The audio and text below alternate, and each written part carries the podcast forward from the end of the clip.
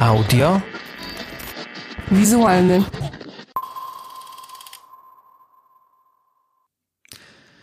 Witam bardzo serdecznie. Trzeci odcinek e, audiowizualnego. E, Wita się Karol Szafraniec e, i to jest podcast poświęcony filmom i szeroko rozumianej kulturze audiowizualnej.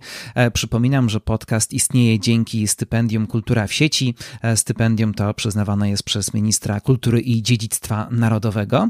E, No i jest to nasz trzeci odcinek poświęcony studiu Ghibli. Tak sobie to właśnie wymyśliłem, że zaczniemy ten podcast od lipca z Ghibli. E, I zarazem jest to e, odcinek, który będzie się różnił troszkę od poprzednich, ponieważ nie będzie e, skupiał się, nie będzie się koncentrował na postaci Hayao Miyazakiego. Miyazaki oczywiście w jakimś sensie pojawiać się będzie. Bardzo trudno mówić o studiu Ghibli, nie odnosząc się do Hayao Miyazakiego, ale nie będzie tutaj główną postacią. Chciałbym, żeby ten odcinek konstrukcja tego odcinka wyglądała w ten sposób, że najpierw zajmę się postacią Isao Takahaty, czyli drugiego najważniejszego reżysera, jaki związany był ze studiem Ghibli, a potem opowiem jeszcze o kilku innych twórcach, którzy przez to studio się przewinęli i są lub byli z nim jakoś związani. I przy okazji będzie to też pretekst do tego, żeby nakreślić pewien obraz tego, jak w studiu Ghibli się pracuje i na pewną dość powiedzmy złożoną sytuację tego, e, jak Studio Ghibli jest też postrzegane przez inne osoby z branży. A, zapraszam. W poprzednim odcinku mówiłem o tym, że Isao Takahata nie, niekoniecznie jest twórcą mniej wybitnym niż Hayao Miyazaki i dlatego warto poświęcić mu uwagę. I faktycznie tak jest, aczkolwiek nie jest to takie bardzo oczywiste. Bierze się to stąd, że Hayao Miyazaki jest jednak twórcą bardzo uniwersalnym i jest twórcą, który mimo tego, że jego kino jest jednak bardzo mocno charakterystyczne, no to jednak jest mocno zuniwersalizowane i nawet jeśli Miyazaki opiera się na japońskim folklorze, na japońskich zwyczajach, tak jak choćby w Spirited Away, gdzie, gdzie odwołuje się do shintoistycznych wierzeń i do pewnej bardzo japońskiej filozofii czy mitologii, to robi to w taki sposób, że nawet jeśli nie znamy tych kontekstów, to możemy się ich troszkę domyślać i film mimo wszystko będzie dla nas zrozumiały. Natomiast oczywiście, jeśli wgłębimy się troszkę w shintoistyczną filozofię i w tamtą wizję świata, no to oczywiście odbiór filmu stanie się dzięki temu troszkę głębszy. U Takahaty jest już troszkę inaczej. Jego filmy są bardzo mocno japońskie, zwłaszcza niektóre filmy są bardzo mocno zakorzenione w japońskim stylu bycia, w japońskim widzeniu świata, w japońskiej historii i w japońskich zwyczajach, ale właśnie w taki sposób, że pewne rzeczy mogą wydawać się dziwne albo dość mocno ekscentryczne, jeśli nie zdajemy sobie sprawy z pewnego japońskiego kontekstu. W dodatku pojawia się też w filmach Takahaty, zwłaszcza w niektórych, bardzo specyficzne japońskie poczucie humoru, które nie każdemu musi przypadać do gustu. Jeśli ktoś oglądał troszkę więcej filmów czy seriali anime, zwłaszcza takich, gdzie pojawiają się pewne elementy farsy, no to troszkę sobie może zdawać sprawę z tego, jak, z czym się je japońskie poczucie humoru. No właśnie nie jest to w guście, w guście każdego. Więc wydaje się też, że Isao Takahata nie przejmuje się tak bardzo odbiorcą z zachodu. Jego filmy są bardzo zakorzenione w Japonii i chyba przede wszystkim ich podstawowym odbiorcą jest właśnie odbiorca rodzimy, natomiast jeśli te filmy spodobają się też na świecie, no to wtedy z pewnością twórca się cieszył, ale nie, była, nie był to priorytet. Natomiast to jakby może dawać, sprawiać pewną trudność w odbiorze, film, w odbiorze niektórych filmów Isao Takahaty. Poza tym Hayao Miyazaki tworzy swoje dzieła w taki sposób, że one, możemy się w nie zanurzyć. One przede wszystkim mają tworzyć pewien przekonywujący świat, w którym możemy uwierzyć, któremu damy się porwać, któremu damy się oczarować, albo który też wzbudzi w nas grozę, albo zmusi nas do refleksji i wykorzystuje całą magię animowanego kina do tego, żeby ten świat tworzyć. Natomiast my przede wszystkim mamy właśnie poczuć ten świat i w jakimś sensie współodczuwać się z bohaterami, natomiast fakt, że to jest animacja, ma jakby znaczenie drugo- czy trzeciorzędne. To jest po prostu pewna forma, która służy odpowiednim celom. Natomiast kino Isao Takahaty jest bardzo samoświadome. I to jest zarazem coś, co może być pewną barierą w jego odbiorze, ale z drugiej strony jest jego mocną siłą, bo właśnie być może Takahata nie jest takim bajarzem, uniwersalnym bajarzem jak Hayao Miyazaki, ale na pewno jest twórcą bardzo, bardzo oryginalnym, o bardzo takim własnym sposobie tworzenia filmów, własnym podejściu do tego, czym w ogóle jest animacja. E, I e, moim zdaniem jedną z takich wielkich wartości jego kina, e, choć to oczywiście jest wartość przede wszystkim dla tych, którzy interesują się takimi rzeczami, jest taki rodzaj metakomentarza. To prawie zawsze są filmy, w których Takahata zastanawia się nad medium kina animowanego i próbuje troszkę coś o nim powiedzieć, próbuje troszkę je poszerzać w jakiś sposób. E, I o ile ta animacyjność e, e, Miyazakiego jest w jakimś stopniu przeźroczysta, no to w filmach Takahaty animacja jest bardzo często mocno skonwencjonalizowana. To znaczy, my jakby mamy wiedzieć, że oglądamy animację, że to wszystko jest mocno umowne, a nie właśnie realistyczne. No i ta umowność oczywiście budzi e, troszkę w nas inny stosunek do świata pokazywanego na ekranie, e, no ale też zmusza do jednak innego rodzaju odbioru. No i w każdym z, ze swoich filmów umowność, ta konwencja, którą wymyśla Takahata jest troszkę inna. I wydaje się, że w różnych filmach służy też różnym celom, ale mm, jest to faktycznie twórca jednak bardzo, bardzo niezwykły i mimo tego, że może być troszkę hermetyczny i może się czasami wydawać ekscentryczny, co właśnie mocno jest powiązane z jego japońskością, e, to zachęcam do tego, żeby troszkę spróbować. Zanim powiem o tych filmach, które e, Isao Takahata stworzył dla studia Ghibli, zanim powiem przede wszystkim o tym jego najbardziej chyba znanym filmie, e, no to trzeba będzie zacząć od początku. Isao Takahata urodził się w 1935 roku, a więc był 6 lat starszy od Hayao Miyazakiego. Urodził się jeszcze przed wojną. Dzieciństwo siłą rzeczy przez to, że było spędzone w trakcie wojny, nie było zbyt łatwe i nie było zbyt piękne. E, Takahata często opowiadał o tym, że mm, tworzy postaci dziecięce w swoich filmach, wraca do dzieciństwa, e, też dlatego, że próbuje znaleźć, znaleźć e, dzieciństwo, które będzie troszkę szczęśliwsze niż jego własne. No i oczywiście przede wszystkim w Grobowcu Świetlików to dzieciństwo wojenne będzie miało, będzie znajdowało jakieś swoje odbicie. Natomiast nic nie wskazywało początkowo na to, że Takahata będzie zajmował się mm, animacją. E, interesowała go e, kultura europejska, e, interesowało go zaangażowanie polityczne i Takahata był w ogóle erudytą. Był człowiekiem, który był bardzo inspirujący, jeśli chodzi o swoją wiedzę, o swoje oczytanie i Miyazaki często mówił o tym, że to od Takahaty wiele się nauczył i właśnie Takahata był dla niego takim troszkę mistrzem właśnie także intelektualnym, przez to, że był człowiekiem niesamowicie oczytanym i mającym bardzo wielką wiedzę.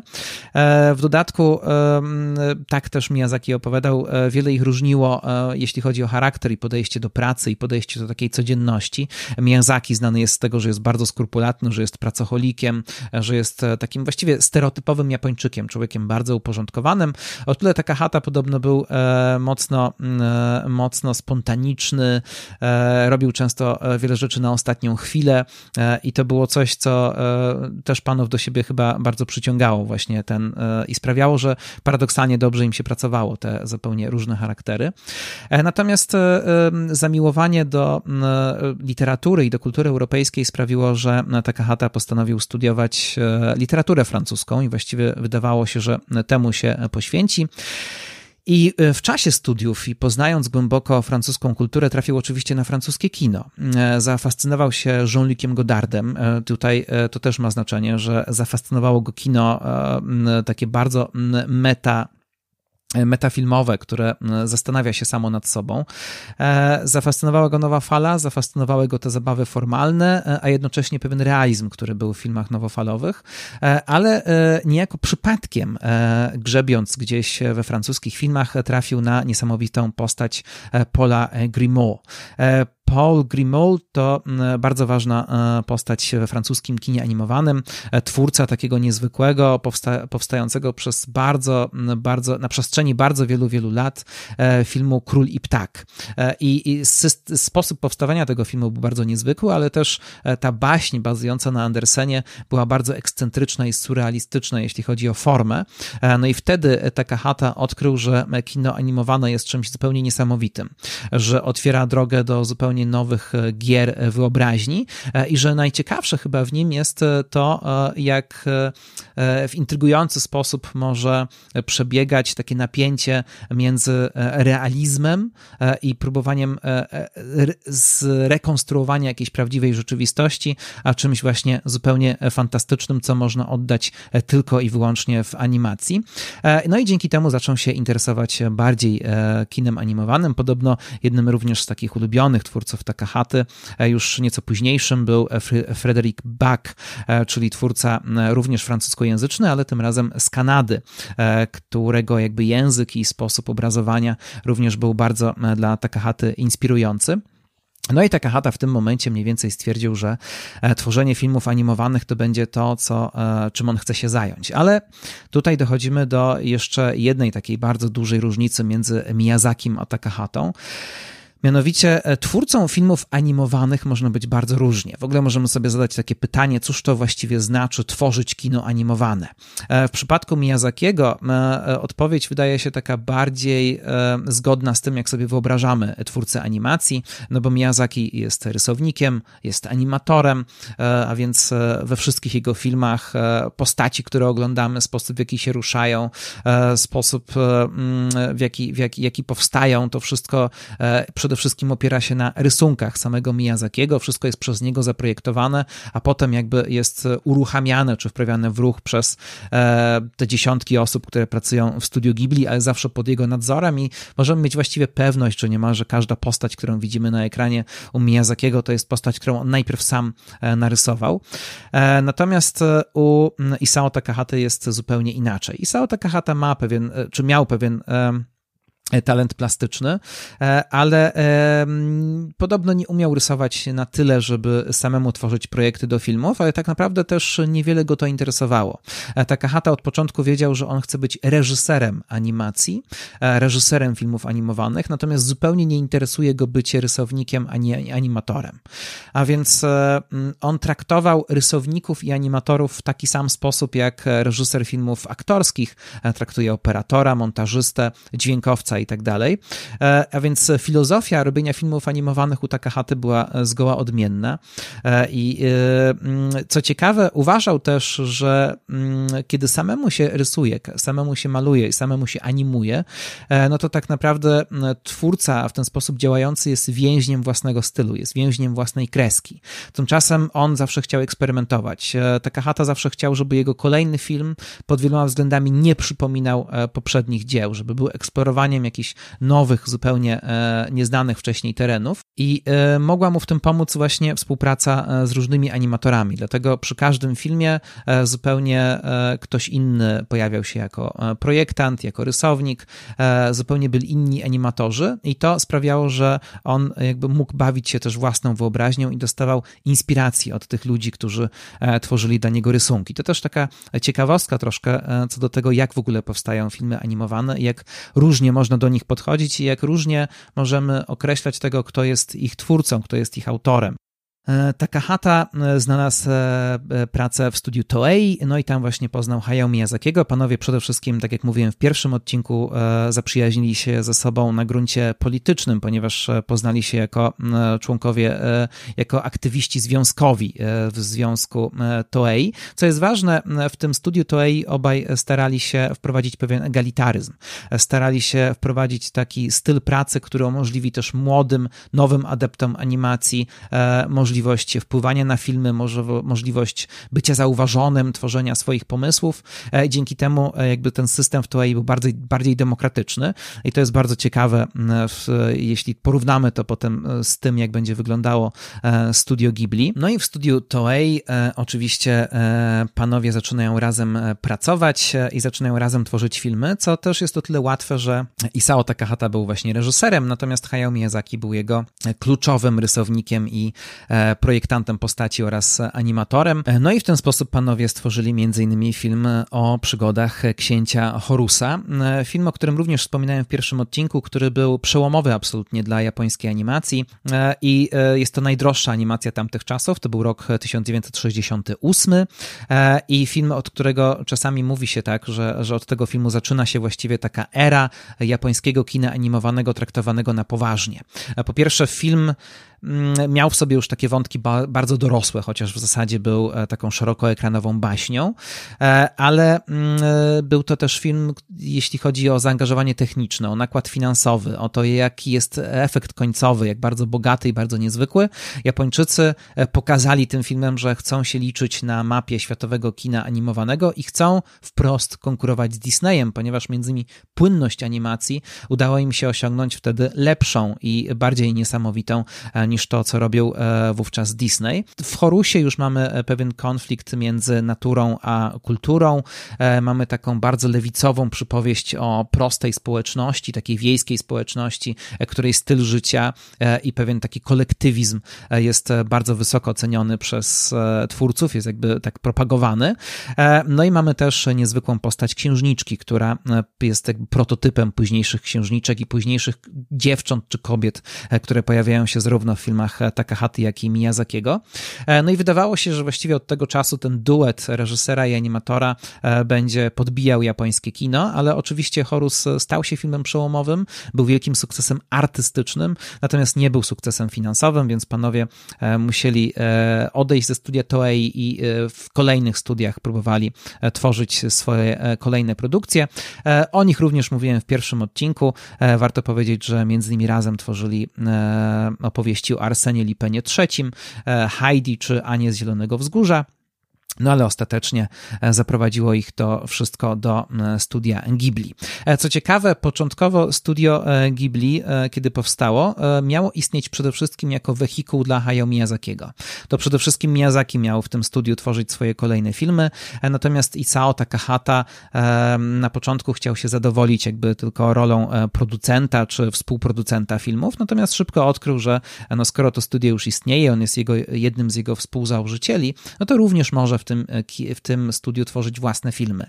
Ale sukces e, e, Nausiki, a przede wszystkim sukces Laputy sprawił, że Takahata odkrył, iż filmy Miyazakiego zarabiają na tyle dobrze, że to one właśnie będą takim koniem zaprzęgowym studia, natomiast Takahata będzie mógł troszkę jakby na boku za mniejsze pieniądze tworzyć swoje autorskie filmy animowane, które będą takie, jak on chce, żeby były i nie będzie się za bardzo musiał przejmować, przejmować się wynikami finansowymi. No i faktycznie tak się stało, natomiast warto jeszcze powiedzieć, że e, zanim e, dojdziemy do studia Ghibli, to jeszcze w 1982 roku e, Takahata kręci film Gosz Wiolonczelista, który powstawał 6 lat i który jest taką powieścią o muzyce.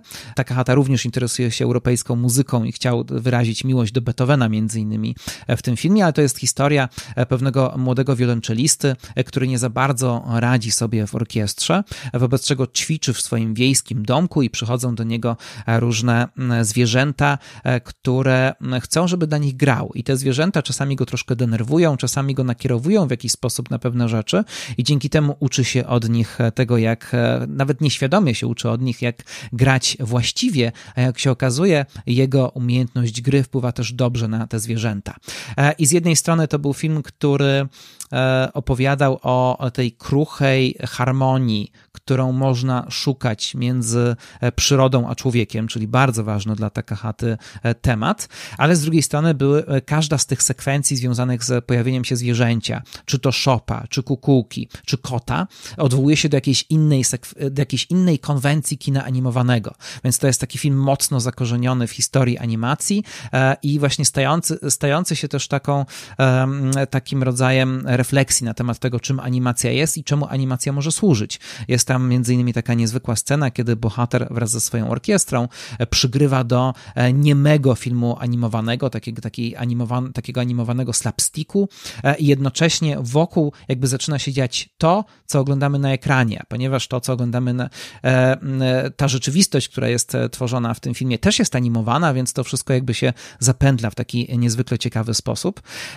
I właśnie takie myślenie o animacji, próba poszukiwania tego, czym animacja jest i próba takiego intrygującego zderzenia e, codzienności, realności, opowieści e, o takim prostym życiu, e, która łączy się z czymś bardziej fantastycznym, to jest właśnie coś, co potem będzie w kolejnych filmach eksplorował Isao Takahata, więc warto, jeśli ktoś się będzie bardziej interesował jego kinem, sobie znaleźć na YouTubie, bo ten film jest dostępny, Gosz, Gosz wiolonczelista.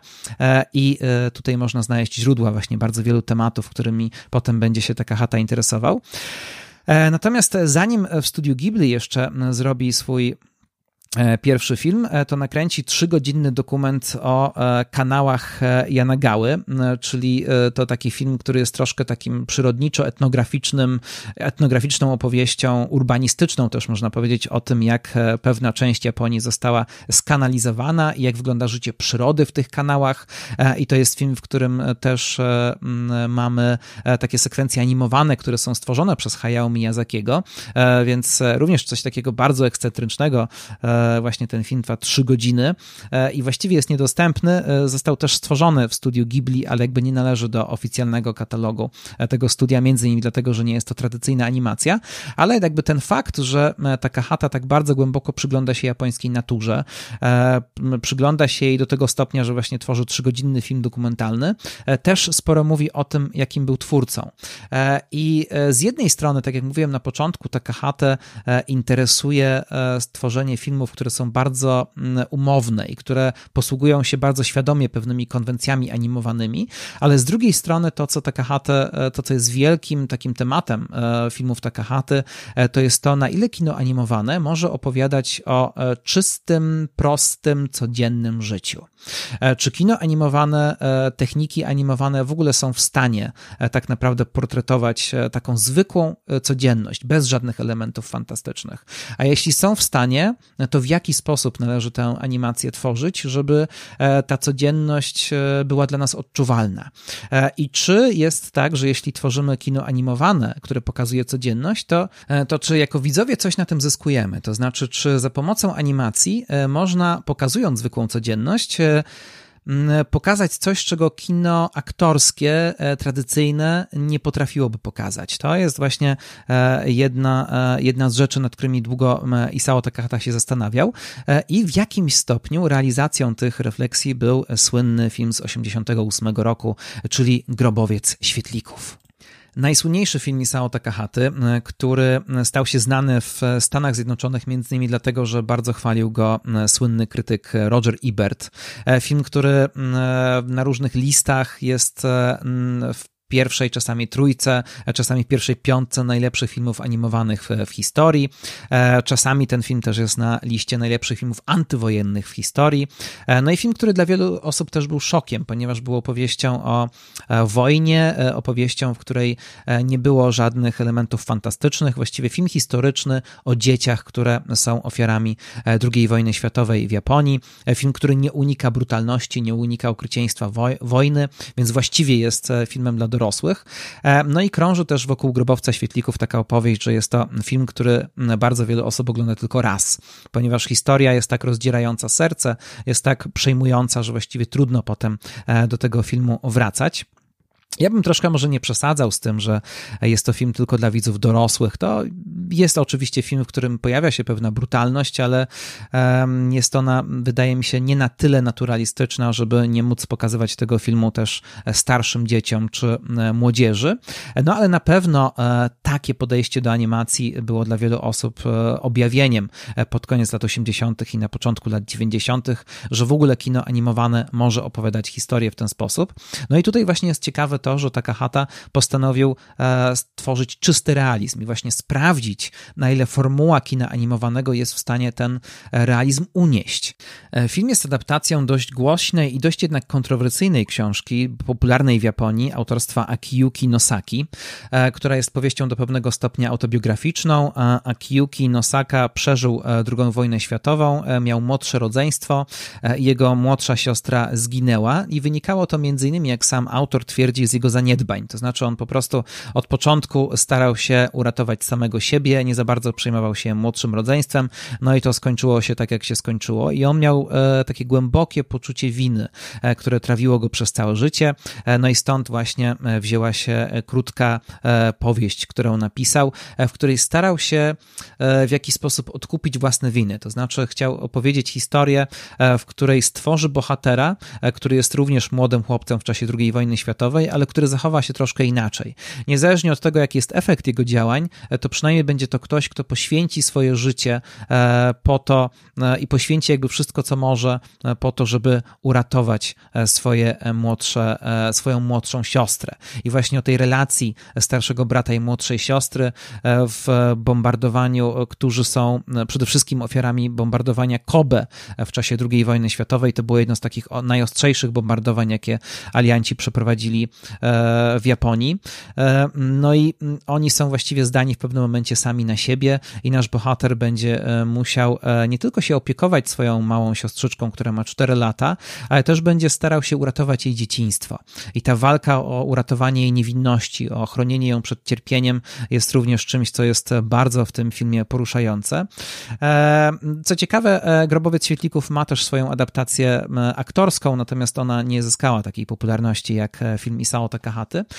Natomiast warto powiedzieć, że Takahata podobno w tym filmie zamieścił też pewne własne wspomnienia z czasów II wojny światowej, ale jedną z rzeczy, którego bardzo interesowała, to jest właśnie próba prze, przedstawienia za pomocą animacji czegoś, co byłoby bardzo trudne do przedstawienia w kinie aktorskim, to znaczy pokazania e, czteroletniego dziecka, czteroletniej dziewczynki, jakby z całą jej e, niesfornością i z całym jej czasami ciężkim, a czasami e, bardzo chwytającym za serce charakterem. Otóż często się tak mówi, jest taka anegdotka, że twórca filmowy, najgorsze, co przed nim może stanąć, to jest tworzenie filmów, w którym pojawiają się zwierzęta i dzieci. E, nie ma nic gorszego niż reżyserowanie zwierząt i dzieci.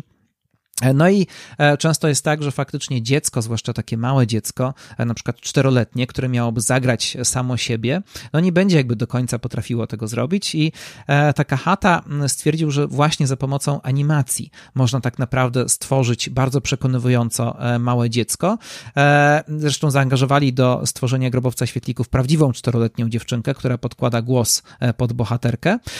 E, obserwowali też e, twórcy różne małe dzieci, no i z tego faktycznie powstał taki bardzo niezwykły, bardzo niezwykły, bardzo organiczny i bardzo mm, przejmujący portret małego dziecka. Co ciekawe, zresztą w tym samym 88 roku w moim sąsiedzie Totoro również mamy portret małej dziewczynki, e, która się musi mierzyć z dziwnością świata, czy z pewnymi rzeczami niesamowitymi.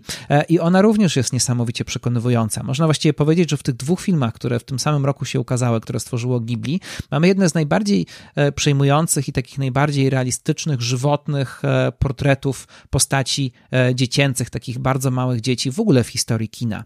Radzę też jakby zwrócić uwagę na ten szczegół. Film Isao Takahata jednocześnie jest taką nostalgiczną podróżą do dawnej Japonii.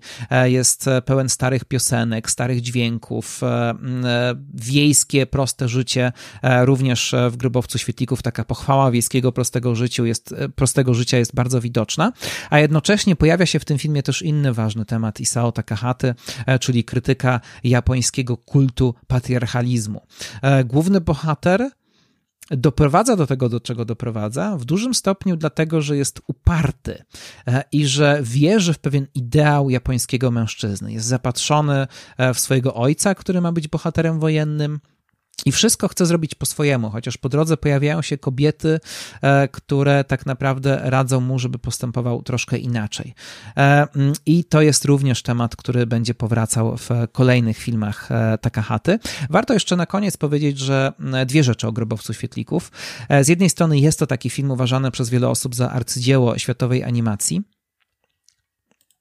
E, co nie zmienia faktu, że dla niektórych, e, również w Japonii, jest to film do pewnego stopnia kontrowersyjny, że jest to taka produkcja, która wpisuje się e, w różnego rodzaju filmy, ale też w literaturę, która stara się skupiać przede wszystkim na cierpieniu Japończyków w czasie II wojny światowej jakby stara się odwrócić uwagę od tego, co Japończycy w czasie tej II wojny światowej robili, ale na ten temat oczywiście są różne zdania. E, natomiast muszę niestety rozczarować tych, którzy teraz by chcieli sobie Grobowiec Świetlików obejrzeć, e, bo ten jeden z najsłynniejszych filmów, e, jakie wychodzą, jakie wyszły z studia Ghibli i najsłynniejszy film Isao Takahata niestety nie jest dostępny na Netflixie. Na Netflixie możemy zobaczyć 21 filmów stworzonych przez studio Ghibli z 22, które są w katalogu tego studia i niestety Grobowiec jest tym filmem, którego nie można zobaczyć.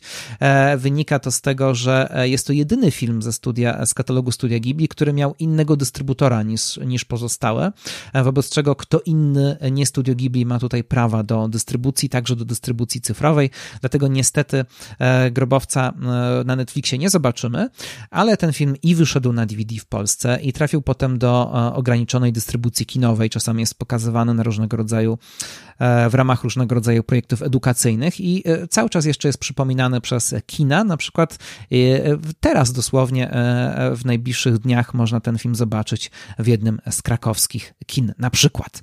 Więc e, można sobie tak śledzić i, e, i są różne okazje do tego, żeby Grobowiec Świetlików obejrzeć. Natomiast jeśli ktoś obejrzany ma Grobowiec Świetlików, bo to jest właśnie taka obowiązkowa propozycja ze studia Ghibli, ale nigdy nie miał do czynienia z pozostałymi produkcjami Takahaty, no to e, on jeszcze dla studia Ghibli stworzył e, kilka niezwykłych e, filmów i ten kolejny, który został zrobiony po Grobowcu Świetlików 91, Only Yesterday, Powrót do marzeń jest taką bardzo niezwykłą historią. To jest moim zdaniem film bardzo niedoceniony i jest to jeden z najbardziej oryginalnych, mam wrażenie, filmów animowanych, jakie udało mi się zobaczyć. Sam przez długi czas kojarzyłem Takahate jedynie z Grobowcem Świetlików i długo zwlekałem z tym, żeby wreszcie obejrzeć jego inne filmy i e, faktycznie Only Yesterday to był film, który był zaskakującym e, sukcesem także komercyjnym w Japonii. Jakoś ten film widocznie trafiał bardzo do pewnego pokolenia, zwłaszcza kobiet. E, I to jest również film, w którym e, Takahata eksploruje ten wątek, jak i jakich konwencji używać, żeby opowiadać o zwykłym, realnym życiu. Czyli znowu mamy takie bardzo kameralne kino rodzinne. Film jest adaptacją mangi e, i przenosi nas w lata 60. I ewidentnie sposób, w jaki ten film jest rysowany w swoich sekwencjach właśnie z lat 60., podkreślane jest to, że to jest retrospekcja, że to jest pewnego rodzaju nostalgiczna fantazja, gdzie też fetyszystycznie są e, podkreślane pewne takie elementy typowe dla tamtej epoki i ta nostalgiczność tego filmu też nam się bardzo udziela. Mamy tutaj historię pewnej 27-letniej kobiety, e, która pracuje e, w Tokio i która gdzieś zgubiła e, własną drogę w życiu i która wreszcie jedzie na wieś. Robi coś, co zawsze chciała, ale nigdy jej się nie udało. Jako dziecko chciała pojechać na wieś. To wyszło tylko połowicznie i nie była z tego zadowolona. No i wreszcie jedzie. Jadąc na wieś przypomina sobie siebie 11-letnią. I cały ten film jest pewnego rodzaju dialogiem między prawie 30-letnią kobietą i 11-letnią dziewczynką. E, ta 11-letnia dziewczynka jest rezolutna, jest pewna siebie, ma bardzo dużo marzeń e, i bardzo dużo energii. Ta 27-letnia jest jakby tego wszystkiego wyzbyta. Tak naprawdę robi coś, ale do końca nie wie co. No i jedzie wreszcie na wieś e, i jednocześnie próbuje odnaleźć siebie z przeszłości, odnaleźć w ogóle siebie i jakby znaleźć pewien sens życia. Oryginalna manga składała się tylko z tych opowieści z lat 60., natomiast Takahata zastanawiał się, jak te poszczególne historie połączyć w filmie kinowym i stąd pojawiła się ta klamra w postaci wyjazdu już dorosłej kobiety na wieś. I film jest bardzo ujmujący i bardzo niezwykły, właśnie też między innymi dlatego, że rzadko zdarza nam się oglądać animację, która stara się pokazywać taką zwykłą codzienność. Tak samo jak w grobowcu świetlików Tak samo w Only Yesterday bardzo dużo miejsca taka chata poświęca takim rytuałom codziennym, zwłaszcza scenom jedzenia bo właśnie cały ten rytuał związany z jedzeniem, zwłaszcza e, w japońskiej kulturze, który jest e, bardzo bogaty, e, to było coś, co go interesuje i pojawia się choćby wątek krojenia ananasa i krojenie, w ogóle krojenie owoców. To jest taki konik Takahaty. On przez wiele lat w swoim życiu będzie starał się kroić różne owoce, będzie się starał to filmować, a potem będzie się starał z rysownikami to animować na różne sposoby i jakby dochodzić w tym do pewnej doskonałości. To też jest takie bardzo japońskie, żeby ćwiczyć swój warsztat na czymś e, tak bardzo małym i bardzo e, szczególnym, ale proszę zwrócić uwagę na to, jak, e, jak w kolejnych filmach Takahaty pojawiają się owoce, jak właśnie ich krojenie jest tak pieczołowicie animowane i jest jakby takim ważnym elementem filmu. I tutaj też jest ciekawe zastosowanie pewnych konwencji, ponieważ są takie sceny w tym filmie, gdzie życie emocjonalne głównej bohaterki jest tak niezwykłe, że nagle przełamany zostaje zostaje realizm i wchodzi coś umownego. Nagle animacja jakby ożywa e, jakby pełnią tego, co może zaprezentować e, i to też jest takie bardzo niezwykłe i też jest pewnym komentarzem właśnie co do tego, e, czemu animacja służy i w jaki sposób może nam opowiadać różne historie, ale jest coś niezwykłego w tym, żeby zobaczyć, żeby oglądać taką codzienną zwykłość, która jest narysowana. Dodaje takie zwykłe, proste emocje, które taka chata tworzy za pomocą nie wiem, czerwieniącej się twarzy, e, czy za pomocą różnego rodzaju takich e, rysunkowych, prostych chwytów, jakoś tak e, inaczej oddziaływują niż w filmach aktorskich, a cały ten film już od samej swojej czołówki ewidentnie nawiązuje do japońskiego tradycyjnego kina o rodzinie, o takim opiewaniu codziennego życia, bo czołówka tego filmu przypomina troszkę czołówki wielkiego mistrza Yasujiro Odzu. E, w tym filmie też, e, ponieważ bohaterka jedzie na wieś i na tej wsi będzie się odnajdować e, i tam jakby też zachwyci się taką zwykłą pracą, mamy też nawiązanie do konwencji kina etnograficznego, kina takiego troszkę, mm, mm, takiego troszkę edukacyjnego nawet. To jest też takie bardzo oryginalne. Jest wiele scen, które są na przykład długimi rozmowami, które właściwie do niczego nie prowadzą, bo taka chata tak naprawdę nigdy nie interesuje specjalnie dramaturgia. Wydaje się czasami, że jego filmy powstają, scenariusze do jego filmów powstają jeszcze bardziej spontanicznie e, niż scenariusze do filmów e, Hayao Miyazakiego i nigdy nie wiemy właściwie, e, co za chwilę zobaczymy. Ale jest to też taka opowieść o odchodzeniu od natury, o tym, jak Japończycy w swoim rozwoju cywilizacyjnym właściwie coraz bardziej od tej natury się oddalają, są już właściwie zupełnie zapominają, czym natura jest i czym jest taka zwykła praca rąk. I to będzie miało ogromne znaczenie w kolejnym filmie, który Takahata stworzy, czyli tym razem 94 rok i film Pompoko Szopy w natarciu. I to jest chyba najbardziej ekscentryczny film, jaki e, Takahata tworzy. Film najtrudniejszy chyba w oglądaniu dla widza z zachodu, czy, e, czyli także z Pols e, dla widza z Polski bo jest to film bardzo mocno zakorzeniony właśnie w tym japońskim humorze, o którym mówiłem, i zakorzeniony w japońskim folklorze, dlatego że głównymi bohaterami tego filmu są tytułowe szopy, e, a tak naprawdę to są tanuki, czyli pewien rodzaj szopa, który zamieszkuje Japonię. E, no i te tanuki e, to są, nie są zwykłe szopy. One sobie mieszkają w pewnym lesie, który jest na obrzeżach Tokio i to jest w ogóle bardzo epicka historia, ponieważ ona dzieje się na przestrzeni 30 lat i opowiada o pewnym stadzie tychże tanuki. E, niestety deweloperzy, e, no miasto się rozrasta, deweloperzy niszczą las i budują tam osiedle. E, I cały ten film jest o tej takiej epickiej batalii, którą szopy toczą z ludźmi po to, żeby zachować miejsce swojego zamieszkania. Ale tanuki w japońskim folklorze, w starych, ludowych japońskich baśniach to nie są zwykłe zwierzęta, tylko zwierzęta, które mają pewne cudowne moce. Po pierwsze są bardzo muzykalne i lubią grać na swoich brzuszkach, a poza tym, kiedy nikt ich nie widzi, to wygląda wyglądają troszkę inaczej, wtedy bardziej przypominają ludzi. E, no a w ogóle tak naprawdę to są zwierzęta, które potrafią się zmieniać. Mają magiczną zdolność zmieniania swojego kształtu e, i mogą stawać się jakimiś martwymi przedmiotami, ale mogą też zmieniać się w inne zwierzęta, mogą zmieniać się w ludzi, e, a jeśli bardzo się postarają, to mogą też zmienić się razem, kolektywnie w coś dużo większego niż one same. No i dlatego nie za bardzo powinno się z nimi zadzierać. No i właśnie te tanuki z tych starych japońskich opowieści pojawiają się w filmie Pompoko, pojawiają się w Japonii w XX wieku i będą walczyć o swoją ziemię, chociaż będzie to walka bardzo trudna i bardzo czasami rozpaczliwa. Będą shopy miały bardzo dużo dylematów, czasami będą ze sobą skłócone. Ich tryb życia też jest dość specyficzny, ponieważ one bardzo lubią się bawić i to czasami je gubi. No i właśnie ta cała opowieść jest zakorzeniona bardzo mocno w tym folklorze.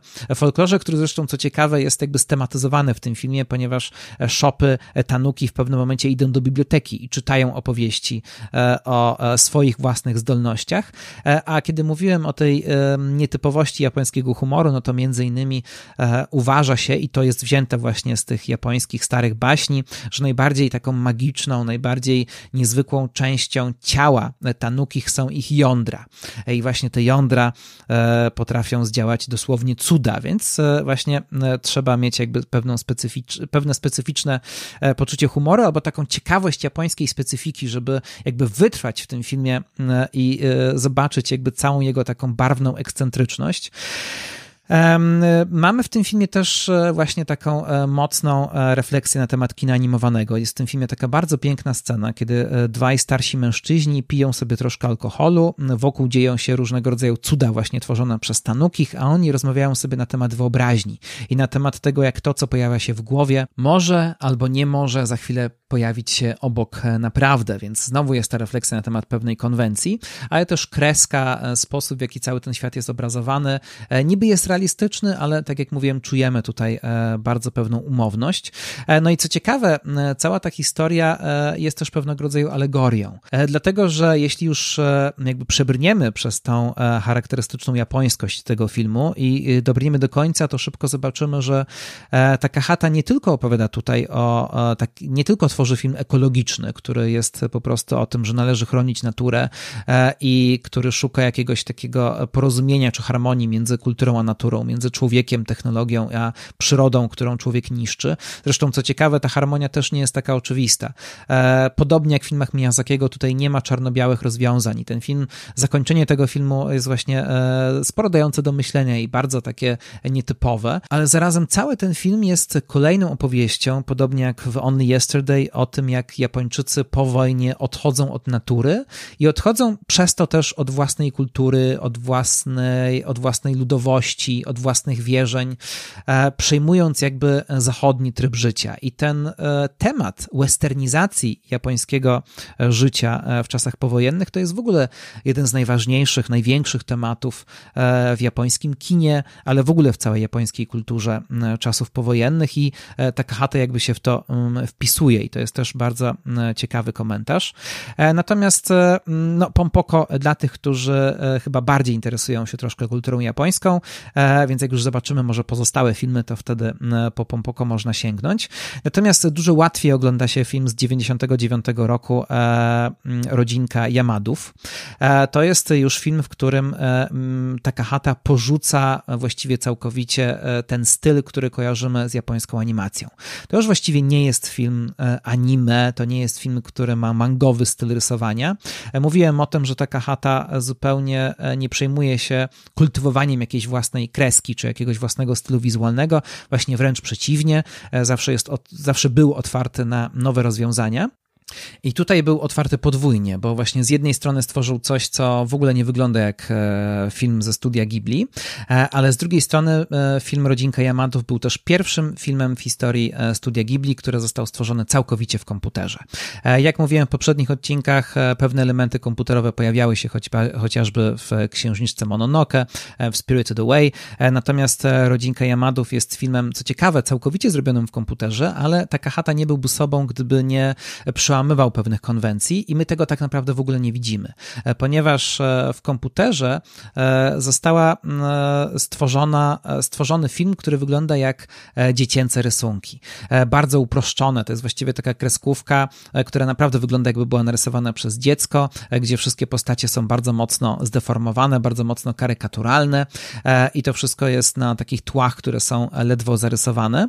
Już pierwsze zdanie niemalże, które pada w rodzince Yamadów, to jest jest właśnie opowieść dziewczynki, która coś rysuje, rysuje swoją rodzinę, ale jednocześnie zanim narysuje babcię, to okazuje się, że te kilka kresek może być czymś zupełnie innym i to jest już też właśnie taki metakomentarz do tego, jak animacja może niesamowicie bawić się wyobraźnią i tym światem, który przedstawia. Jednocześnie ten charakterystyczny styl, który widzimy w rodzince Yamadów, bierze się po prostu ze źródła tego filmu, bo film jest adaptacją takich krótkich opowieści komiksowych, które potem były wydawane w formie książkowej i które właśnie w taki sposób są narysowane. No i właśnie taka chata ze współpracownikami stwierdzili, że najłatwiej będzie ten styl stworzyć w komputerze, chociaż tak naprawdę komputerowo tutaj naśladowany jest jakby właśnie styl ręcznej animacji. Ta samoświadomość tego filmu jest bardzo daleko idąca, ponieważ czasami w pewnych scenach, zwłaszcza w jednej scenie, zmienia się ten styl. Nagle świat staje się troszkę bardziej realistyczny, narysowany zupełnie inaczej, a to wszystko bierze się z tego, że zmienia się troszkę pozycja bohaterów wobec świata wokoło. Ale czym w ogóle jest rodzinka Yamadów?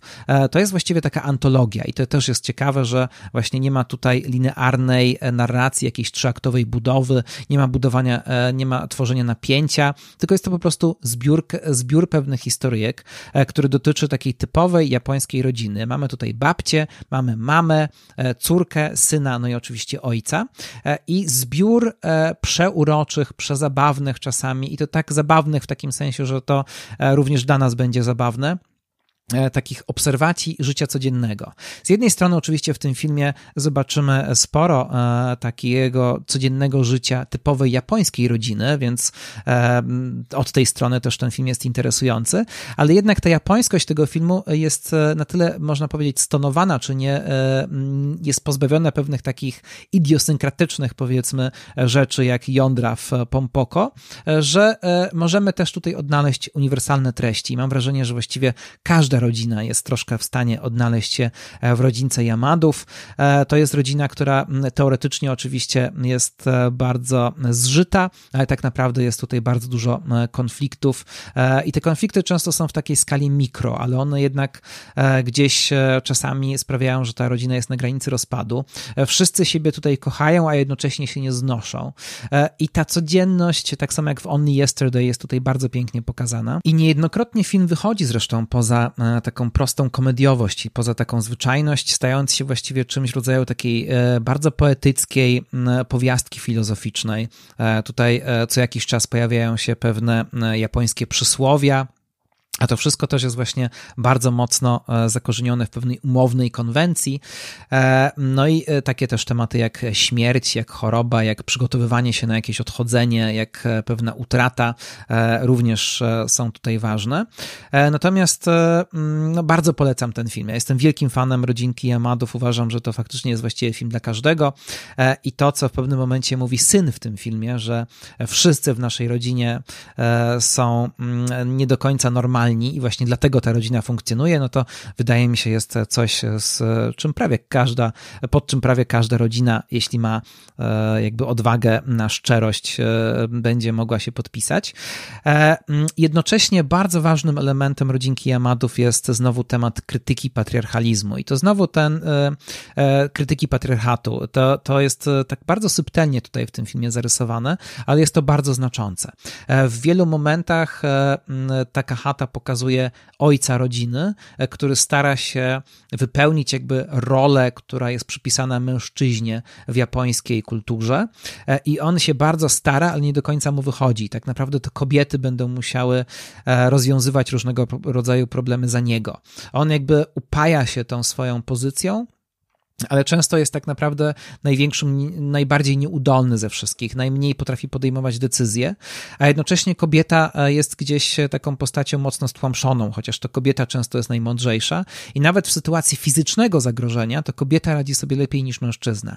E, I ten temat tutaj e, się pojawia, ale on szczególnie wybrzmiał wcześniej w Only Yesterday, w Powrocie do marzeń, bo w tamtym filmie mamy no, bardzo przyjmującą historię dziewczynki, która właśnie w dużym stopniu przez to patriarchalne społeczeństwo zostaje pozbawiona swojej energii, swoich marzeń, swojej niezwykłości i to właściwie cały ten system japońskiej rodziny ją tego pozbawia, ponieważ nie tylko ojciec, który jest bardzo apodyktyczny i w jakimś takim emocjonalnym sensie jest nieobecny czy niedostępny, ale też matka i przede wszystkim siostry, które bardzo z góry traktują e, główną bohaterkę, jakby przyłączają się do tego systemu, które obrabia ją z marzeń i z tego, e, kim ona mogłaby być.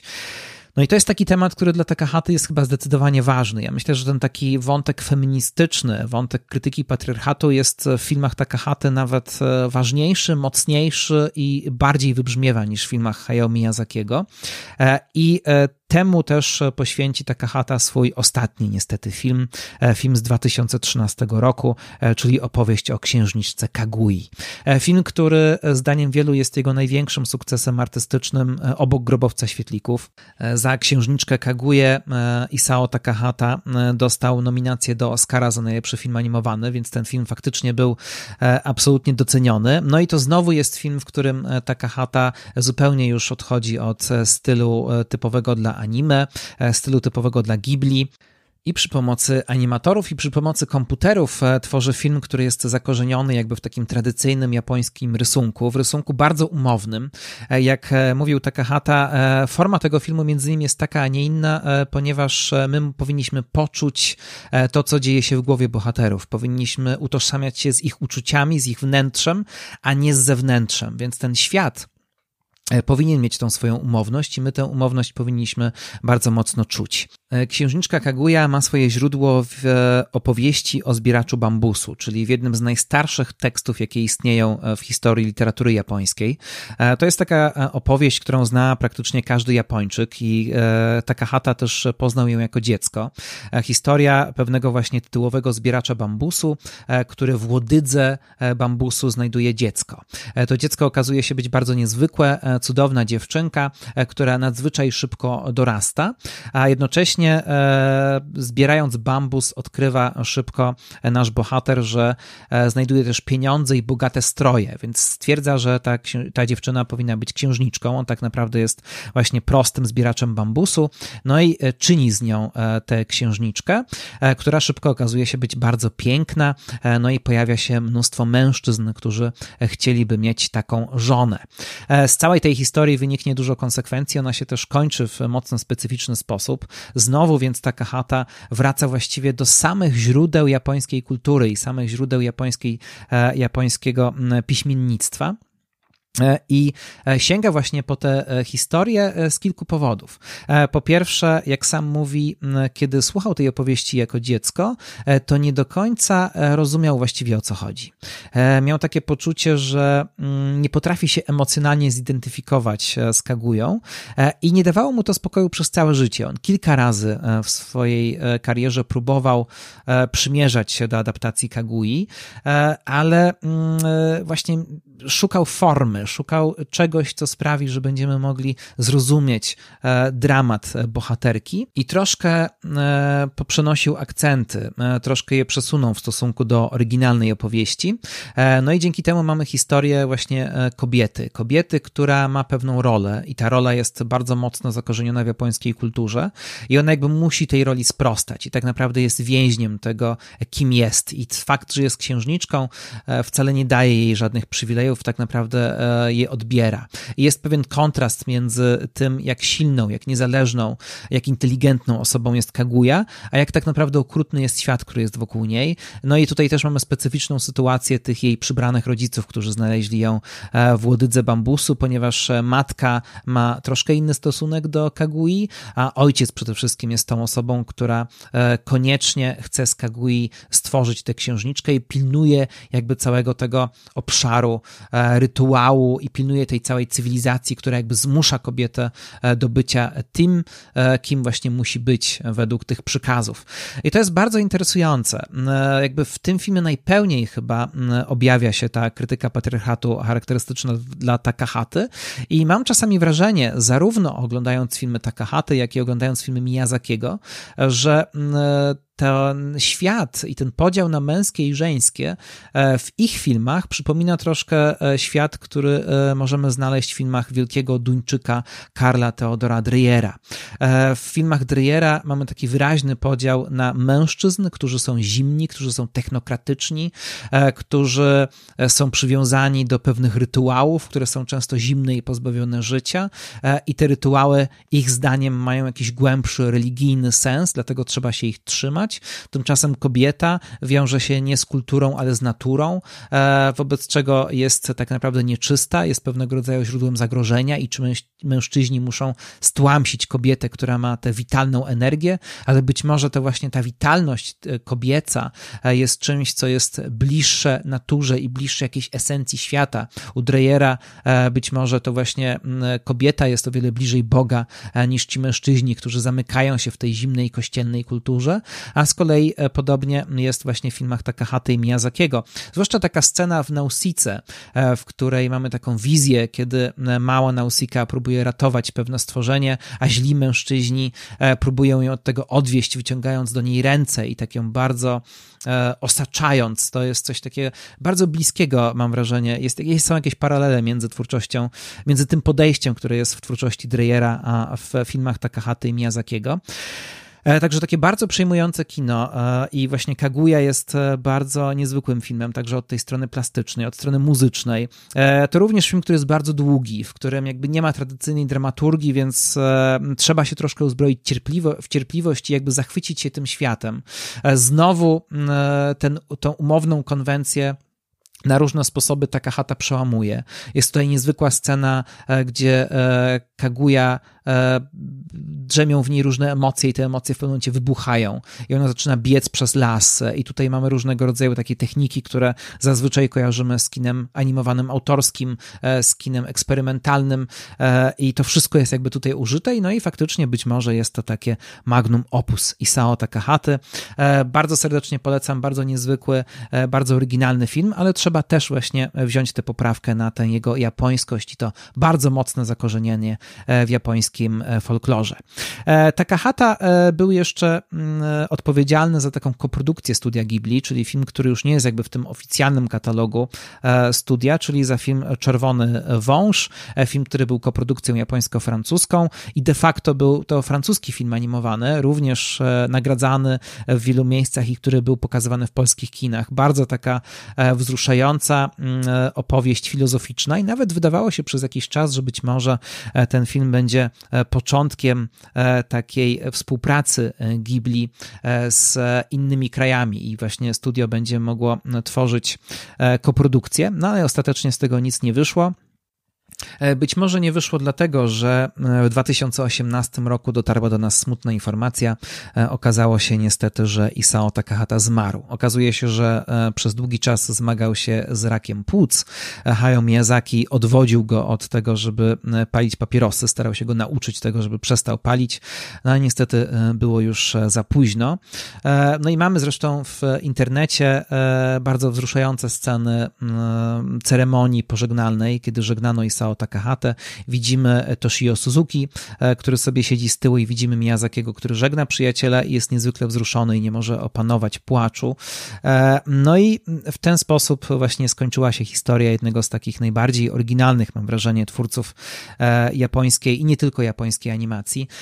Bardzo serdecznie zachęcam do tego, żeby spróbować tego kina Takahaty i żeby zauważyć właśnie, że nie jest to bynajmniej jedynie twórca twórca Grobowca Świetlików e, i może nawet dobrze, że Grobowiec Świetlików nie jest na Netflixie, ponieważ e, właśnie dzięki temu e, mamy taki pretekst, żeby spróbować obejrzeć inne filmy tego twórcy. I w tym momencie kończy się nasza opowieść o Isao Takahacie, ale nie kończy się jeszcze nasza opowieść o studiu Ghibli, ponieważ te ostatnie um, kilkanaście minut tego odcinka chciałbym poświęcić na um, inne postaci, które um, przez to studio się przewinęły e, i opowiedzieć o tym, że studio Ghibli nie do końca okazało się być tym, czym miało być. E, na samym początku faktycznie wydawało się, że przede wszystkim filmy będzie tam tworzył Hayao Miyazaki, Toshio Suzuki, I inni będą się zajmować produkcją. No ale jednak liczono na to, że mm, studio Ghibli się rozrośnie i że będzie faktycznie takim miejscem, który będziemy mogli nazwać japońskim Disneyem. I że podobnie jak wytwórnia Disneya, będzie to studio istnieć przez lata i będzie potem przejmowane przez kolejne nowe pokolenia i że też w tym studiu właśnie będzie się szkolić nowych twórców e, japońskiej animacji. I pierwszym z takich e, nowych, które Studio Ghibli miało wyszkolić, e, był Yoshifumi Kondo, e, czyli ukochany uczeń przez długi czas Miyazakiego, jeden z jego głównych animatorów, który w 1995 roku zadebiutował filmem Szept Serca. To również jedna z takich pięknie, piękniejszych opowieści, które pojawiły się w Studio Ghibli, a które nie są stworzone ani przez Miyazakiego, ani przez Takahate. Aczkolwiek scenariusz w tym filmie jest autorstwa Hayao Miyazakiego i to też jest ciekawe, bo Miyazaki ma w swoim e, portfolio scenariusze, które są takimi realistycznymi, obyczajowymi opowieściami, dziejącymi się w jakimś konkretnym momencie w historii Japonii, e, które to często opowieści, często opowieści dotyczą dojrzewania młodych ludzi, szukania własnej drogi. I właśnie zazwyczaj tego typu historie Miyazaki nie zostawia dla siebie, tylko oddaje je innym. I właśnie tak było z filmem Szept Serca, który co prawda troszkę przełamuje tę swoją realistyczną konwencję. E, historia młodej dziewczyny, która właśnie szuka własnej drogi, e, szuka tego, kim powinna być. Bardzo piękny, bardzo uroczy film e, i myślę, że wszyscy, którzy go lubią, już e, nigdy e, później nie będą w taki sam sposób słyszeć piosenki Country Roads w wykonaniu e, Olivii Newton-John. Jakoś ta piosenka i ten film mają w sobie coś takiego, że przynajmniej mnie zawsze już będzie się ona kojarzyć właśnie z szeptem serca. Niestety Yoshi Fumikondo nakręcił tylko ten jeden film, a potem przedwcześnie zmarł. No i w ten sposób Miyazaki został pozbawiony swojego ukochanego ucznia. No i to było takie spore rozczarowanie rozczarowanie. I faktycznie e, studio Ghibli jest e, bardzo niezwykłym miejscem. Jest miejscem o e, renomie zupełnie unikalnej. Nie ma drugiego takiego studia na świecie, które byłoby tak cenione, cenione za z jednej strony biegłość techniczno-warsztatową, za to, że faktycznie jest to być może jedyne miejsce na świecie, które jest w stanie pełnoprawnie konkurować z Disneyem, a zarazem tworzone tam filmy są głębokie, są mądre, są E, i są po prostu e, niezwykłe od strony artystycznej i też bardzo e, inspirujące. Ale do tego takiego cudownego obrazka Ghibli, no niestety trzeba dodać troszkę dziegciu. E, bo szybko okazało się, że e, wiele osób, które w studio Ghibli e, miały zacząć swoją karierę, tak szybko jak się w nim pojawiły, tak szybko potem z tego studia uciekały. Studio Ghibli niestety słynie z niezbyt dobrej etyki pracy. Studio Ghibli to było miejsce, które często kojarzone było z tak zwanym crunchem. To jest takie słowo, które ostatnio często się pojawia przy opowieściach o tworzeniu gier komputerowych, ale generalnie polega na tym, że mamy studio, no i kiedy nowe produkcje Ghibli e, były tworzone, no to w pewnym momencie trzeba było mm, trzymać się terminów i cała ekipa pracowała, e, brali nadgodziny, czasami wracali, niektórzy animatorzy z Ghibli opowiadali, że mm, rozchorowali się przez to, że pracowali w Ghibli, że wracali do domu tylko na kilka godzin, e, bo takie było tempo pracy i tak dużo było obowiązków, a jakby był pewien szantaż emocjonalny i nie można było tak po prostu sobie pójść do domu, tylko trzeba było brać te nadgodziny i to była naprawdę wykańczająca robota. Hayao Miyazaki jest człowiekiem dość trudnym, dość apodyktycznym, e, który sam jest pracocholikiem i raczej oczekuje od innych, że będą e, właśnie podobnymi pracocholikami ten wątek, który pojawia się, wzrywa się wiatr, jest oczywiście tutaj bardzo znaczący, bo tam gdzieś e, Miyazaki e, sam, e, sam pokazał własne, własne wady czy dylematy związane ze swoim stylem życia. Niektórzy zresztą twierdzą, że łaźnia, która pojawia się w filmie Spirited Away, również jest takim elementem autokrytyki, samokrytyki Miyazakiego, że sposób, w jaki ona funkcjonuje, jest zarządzana przez Yubabę, jest właśnie inspirowany też tym, jak działa studio Ghibli, a e, sama Yubaba, e, zdaniem niektórych, to również jest e, jakieś oblicze Miyazakiego, chociaż sam Miyazaki żartował, że wzorował ją troszkę na postaci swojego szefa i producenta, czyli na postaci Toshio Suzukiego.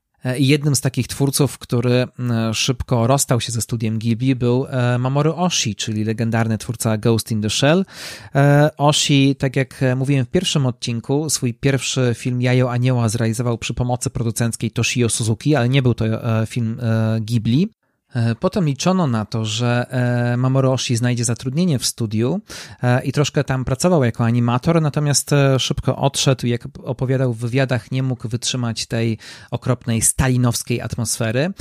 No i tym dość brutalnym określeniem prawdopodobnie odnosił się z jednej strony do dyscypliny, która w studiu Ghibli panowała i apodyktyczności jego szefów, ale też do poglądów lewicowych Miyazakiego i Takahate, które jakoś zdecydowanie Oshiemu e, nie pasowały. E, późniejsze postaci, które przewinęły się przez studio Ghibli, które przewinęły się między innymi w latach 90., to choćby e, animator Masashi Ando, postać bardzo znacząca. To był człowiek, który przez długi czas miał ogromny wpływ na film Spirited Away. Tworzył między innymi właśnie postać Yubaby i miał pewne swoje koncepcje co do tego, jak będzie rozwijać się Chihiro i tutaj był bardzo potężny konflikt z Miyazakim na tym tle, który zakończył się tym, że ostatecznie stanęło na e, tym, co chciał Miyazaki, ale e, Masashi Ando opuścił e, studio, studio Ghibli i zaczął współpracować z innym wybitnym, już też nieżyjącym twórcą japońskiej animacji, czyli z Satoshi Konem przy takich filmach jak Paprika chociażby, aczkolwiek potem na prośbę Takahaty powrócił do studia Ghibli i trochę pracował jako animator przy Kagui. Wielu tych młodych twórców studia Ghibli, którzy rozczarowali się warunkami pracy tam panującymi, E, i którzy potem odeszli, założyło studio Ponok. E, I to jest takie studio, e, z którym japońska animacja wiąże bardzo wiele nadziei, że oni właśnie nauczyli się pewnego warsztatu i pewnego, z, pewnego zmysłu artystycznego od Miyazakiego, a jednocześnie poszli potem własną drogą. Na razie studio Ponok stworzyło przede wszystkim jeden film, e, czyli Mary i Kwiat e, Czarownicy. E, z kolei taką najbardziej chyba znaną postacią, która mm, skonfliktowała się ze studiem Ghibli bardzo szybko, jest Mamoru Hosoda. To jest również taka wielka nadzieja japońskiej animacji. To jest człowiek, o którym często się mówi, że może być następcą Miyazakiego, że mm, jego kino jest podobnie przejmujące, łączy w sobie pewne tematy, które znamy znamy z filmów Miyazakiego e, i, i mają też podobne artystyczne wyrafinowanie, ale zarazem mają troszkę więcej formalnej odwagi niż e, ma to miejsce w e, dziełach Miyazakiego. Mamoru Hosoda znany jest przede wszystkim z takich filmów jak Wilcze Dzieci czy Mirai, no i myślę, że faktycznie są to fantastyczne filmy i jeszcze sporo przed nim. Natomiast Hosoda pracując w studiu Ghibli miał być reżyserem, miał być właśnie takim jednym z tych młodych, którzy jakby przejmą potem pałeczkę po tych wielkich mistrzach. E, I e, Toshio Suzuki i producenci z Ghibli stwierdzili, że e, najlepszym dla debiutu reżyserskiego Hosody materiałem będzie Ruchomy Zamek Hauru. I to był właśnie film, który, to była książka, którą miał Mamoru Hosoda zaadaptować. Natomiast szybko stwierdził, że właściwie nie ma żadnej wolności, bo to miał być co prawda jego film, to miał być jego debiut reżyserski, ale szybko okazało się, że producenci i ci, którzy są jego jego mocodawcami, e, właściwie nakazują mu zrobić film, który będzie wyglądał zupełnie jak film Miyazakiego. E, no i e, Hosoda podziękował za taką współpracę i poszedł własną drogą. No i mamy jeszcze jedną ważną postać, która również nie za bardzo znalazła wspólny język ze studiem Ghibli, ale rozstanie nie było aż tak bardzo dramatyczne, czyli postać Hideaki Anno. E, wielbiciele i wielbicielki japońskiej animacji z pewnością z, bardzo dobrze znają to nazwisko, ponieważ Hideaki Anno jest twórcą legendarnej serii e, Neon Genesis Evangelion, która również dostępna jest e, na Netflixie. Natomiast Anno właśnie początkowo był animatorem w studio Ghibli. Pracował jeszcze zanim studio powstało, pracował z Miyazakim przy Nausice i to właśnie on animował tego wielkiego stwora, który jest jakby takim pradawnym żołnierzem. E, to była jedna z najtrudniejszych rzeczy do wyanimowania w tym filmie i właśnie e, Miyazaki dostrzegając talent Hideaki Anno postanowił jemu powierzyć to zadanie. Anno jednak jakoś nie do końca odnajdował się w Ghibli i ostatecznie ze studia odszedł. Niemniej jednak Miyazaki pozostał z Miyazakim w bardzo przyjaznych stosunkach i między innymi jeden z pierwszych filmów, które zrobił po odejściu z Ghibli, czyli taki serial Nadia The Secret of Blue Water, przynajmniej taki jest jego anglojęzyczny tytuł, no to była, był film, który w dużym stopniu bazował na pomysłach Miyazakiego, które Miyazaki niejako dał Anno w prezencie. Mimo to niektórzy twierdzą, że mm, te złe doświadczenia, które e, Anno przeszedł w studio Ghibli, e, przyczyniły się do jego późniejszej depresji, a właśnie depresja była jedną z inspiracji potem dla e, Neon Genesis Evangelion. I pojawiająca się w tym serialu organizacja NERV jest inspirowana podobno właśnie studiem Ghibli i przede wszystkim jej przywódca ma być w dużym stopniu inspirowany Hayao Miyazaki, a jest to postać z jednej strony przerażająca, a z drugiej strony bardzo niezwykła i genialna. E, mimo tego, że no, takie e, przeżycia Hideaki Anno miał z Ghibli, e, to ostatecznie w filmie Zrywa się wiatr panowie znowu ze sobą współpracowali. Ci, którzy oglądali Zrywa się wiatr, zauważyli, że w pewnym momencie e, w filmie Jiro, e, czyli główny bohater, zmienia głos. Przestaje być młodym chłopcem, e, a staje się już dorosłym mężczyzną. Jego głos jest bardzo charakterystyczny. Miyazaki, szukając osoby, która będzie mogła dać głos głównemu bohaterowi filmu, wiedział, że potrzebuje kogoś, kto jest bardzo inteligentny i kto będzie mówił w taki powściągliwy sposób charakterystyczny dla inteligentów japońskich z lat 30.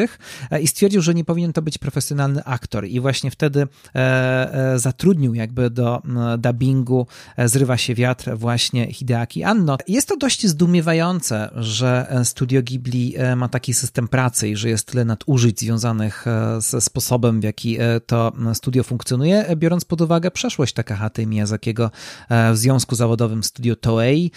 Przecież oni tam walczyli właśnie o pewien egalitaryzm, o to, żeby młodzi mieli też wiele do powiedzenia, a potem jakby sami nie potrafili potrafili e, utrzymać tego swojego, e, tego samego w Ghibli. E, niektórzy z kolei twierdzą, że no takie jest po prostu, takie są prawa historii. Oto dwóch mężczyzn zmieniając pewien system, który był w studiu Toei, nie mieścili się w tym studiu i potem założyli coś własnego. No i teraz właśnie młodzi zbuntowani, którzy odeszli z Ghibli, również powinni iść własną drogą. Mamy oczywiście jeszcze jedną postać, która w studiu Ghibli się pojawia, czyli postać Goro Miyazakiego, syna Hayao Miyazakiego. I i ja bardzo serdecznie polecam cztero, prawie czterogodzinny film e, Ten Years with Hayao Miyazaki, zrobiony dla e, japońskiej telewizji publicznej. E, link do tego filmu pojawi się na kanale na YouTubie. E, dlatego że to jest film, który za darmo legalnie można zobaczyć w sieci. Film, który pokazuje 10 lat e, pracy Miyazakiego. Pierwszy odcinek to tworzenie Ponio, ostatni odcinek to tworzenie Zrywa się wiatr, ale jest w tym filmie bardzo przejmujący trzeci odcinek, e, który jest zaskakująco szczery i zaskakująco smutny i pokazuje relacje między Hayao Miyazakim a jego synem. E, które delikatnie mówiąc nie należą do najłatwiejszych. Goro Miyazaki nie ukrywał tego nigdy w wywiadach, że ojca właściwie nie znał, ponieważ ojciec był e, e, tak zajętym sobą pracocholikiem, że no właściwie nie było go w domu. I on się wychował bez ojca i tak naprawdę bardzo mocno to przeżywał. Dopiero później, kiedy dorastał, to zaczął poznawać swojego ojca pośrednio poprzez oglądanie jego filmów. No i w pewnym momencie być może też chciał w jakiś sposób zmierzyć się z ojcem i chciał zacząć je je tworzyć e, na własną rękę, e, mimo tego, iż e, Goro Miyazaki nie ma żadnego przy, przygotowania, żadnych studiów reżyserskich, ani wcześniej nie tworzył żadnych filmów, po prostu umie rysować i miał bardzo duże ambicje, jednak przekonał Toshio Suzuki do tego, żeby ten wyprodukował w ramach studia Ghibli jego debiut reżyserski, czyli adaptację opowieści z Ziemiomorza, aczkolwiek Hayao Miyazaki robił wszystko, żeby ten film nie powstał. Starał się nawet zorganizować podobno fikcyjny strajk Ghibli, żeby doprowadzić do upadku e, film swojego syna. E, no oczywiście Miyazaki twierdzi, że robił to z troski, e, że tak naprawdę bał się, że po prostu syn odniesie porażkę, ale Goro się uparł i ostatecznie film powstał i mimo tego, że był przez, do dzisiaj jest często uznawany za najsłabszy film, jaki został wyprodukowany przez studio Ghibli, no to jednak Goro dalej tworzy kolejne filmy i wśród nich znajduje się film Makowe Wzgórze, który Znowu jest opowieścią o dojrzewaniu, opowieścią o miłości młodych ludzi, a jednocześnie opowieścią o bardzo konkretnym momencie w historii Japonii. Film dzieje się chwilę przed Igrzyskami Olimpijskimi w Tokio. No i to już była zdecydowanie lepsza produkcja, aczkolwiek Goro Miyazaki dostał taki warunek, że będzie mógł zrealizować ten film pod warunkiem, że zrealizuje scenariusz swojego ojca. Scenariusz Goro dostał, ale tak naprawdę panowie za bardzo przy tym filmie nie współpracowali. Hayao Miyazaki raczej przyglądał się z oddali temu, jak pracuje jego syn. E, etyka pracy Miyazakiego jest taka, i to mówi w, w tym filmie, o którym wspominałem, że Goro Miyazaki odniesie sukces tylko wtedy, e, jeśli całkowicie poświęci się pracy. E, jeśli do krwi będzie potrafił dopracowywać swoje idee.